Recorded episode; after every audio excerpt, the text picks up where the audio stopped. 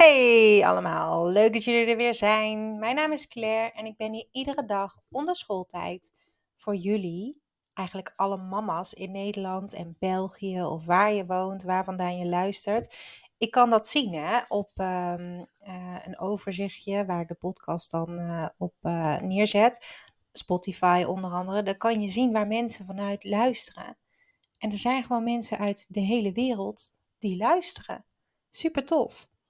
Maar ehm, vandaag heb ik natuurlijk weer in hetzelfde thema van deze week een, uh, ja, een soort van berichtje voor je waar je hopelijk wat aan hebt.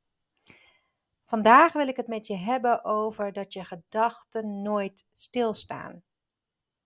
Onze gedachten die zijn voortdurend in beweging en ze lijken ook echt nooit stil te staan. Zelfs wanneer we rusten of slapen, blijven onze hersenen actief en produceren ze allerlei gedachten, maar ook zorgen en overpeinzingen. Dingen waar je mee zit, maar misschien ook wel hele creatieve ideeën of dromen of dingen die je graag wil bereiken. Nou ja, dat kan je wel een beetje op hetzelfde neerzetten, maar het blijft altijd zo druk in je hoofd. En als je daar heel lang bij stilstaat, dan kan het zomaar zijn dat je daar ja, een beetje gek van wordt. Dat je denkt, oh, ik wou dat ik echt wat minder dacht. Dat ik minder in mijn hoofd zat, minder zorgen had, minder dingen om over na te denken. En sommige mensen hebben daar controle over. Hè? Dan uh, kunnen ze hun gedachten controleren. Maar zelfs als je heel actief bent met meditatie en dat echt heel goed kan, dan word je toch af en toe nog steeds afgeleid door bepaalde gedachten. En het kan soms moeilijk zijn om te bepalen wat jouw gedachten zijn, waarover je na wil denken. En het kan ook heel moeilijk zijn om te begrijpen waarom je steeds blijft hangen in diezelfde zorgen of steeds opnieuw terugkomt op diezelfde ideeën.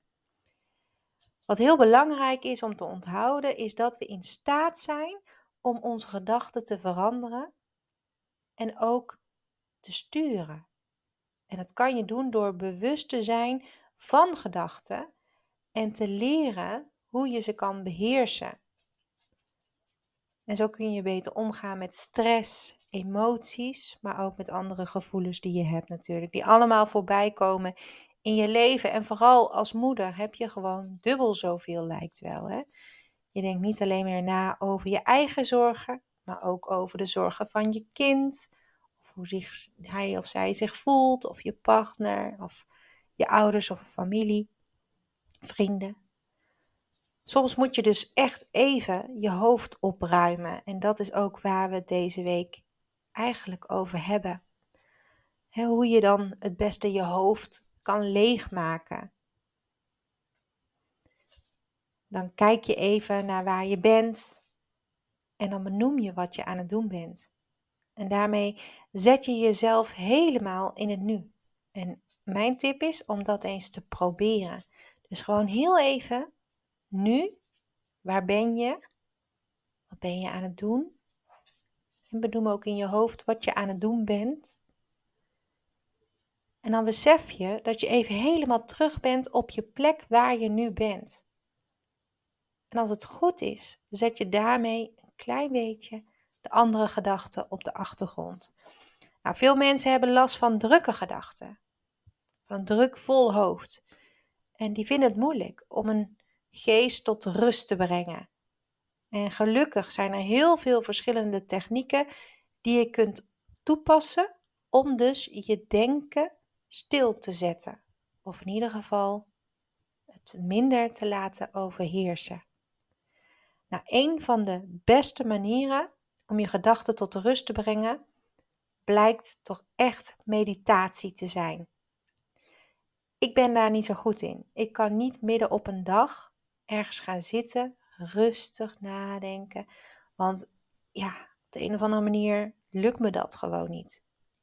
Maar je kan het ook in andere vormen doen. Je hebt uh, mindfulness meditatie, hè, zoals dat rustig zitten. Maar je kunt ook ademhalingsoefeningen doen.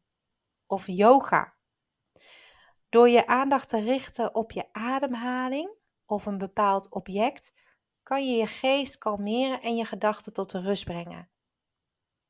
En uh, door jezelf ergens op te focussen, zoals ik ben nou uh, nu hier en ik ben dit aan het doen, dat is wat we net geoefend hebben, kun je dus ook al heel veel bereiken.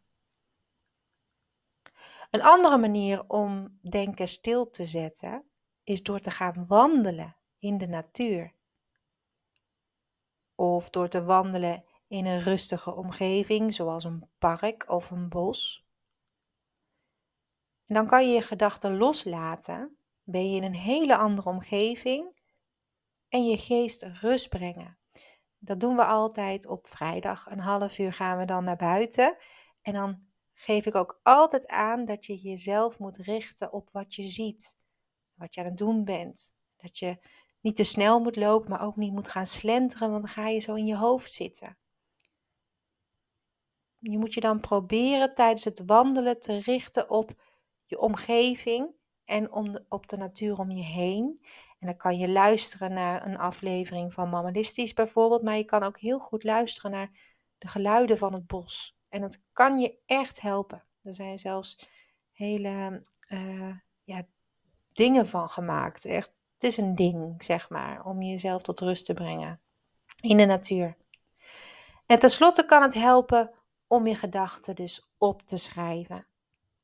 dus je hoofd leeg te maken op papier. Of om te praten met iemand die je vertrouwt. Nou, door je gedachten op papier te zetten of door ze te delen met iemand anders, kun je je gedachten ook even van je afzetten en je geest tot de rust brengen. Super belangrijk om dat af en toe te doen. Dus niet altijd te denken: oh, daar kom ik weer aan met mijn gezeur. Gooi het er gewoon uit tegen iemand met wie je aan het kletsen bent.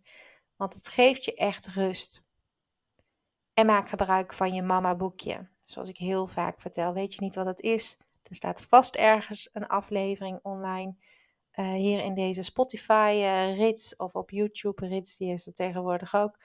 Um, waar het mama-boekje in naar voren wordt gebracht en waarin ik uitleg wat ik allemaal met dat mama-boekje doe. Nou, hopelijk helpen deze tips je om je denken een beetje stil te zetten. En ook om je hoofd een beetje op te ruimen, zodat het wat leger is.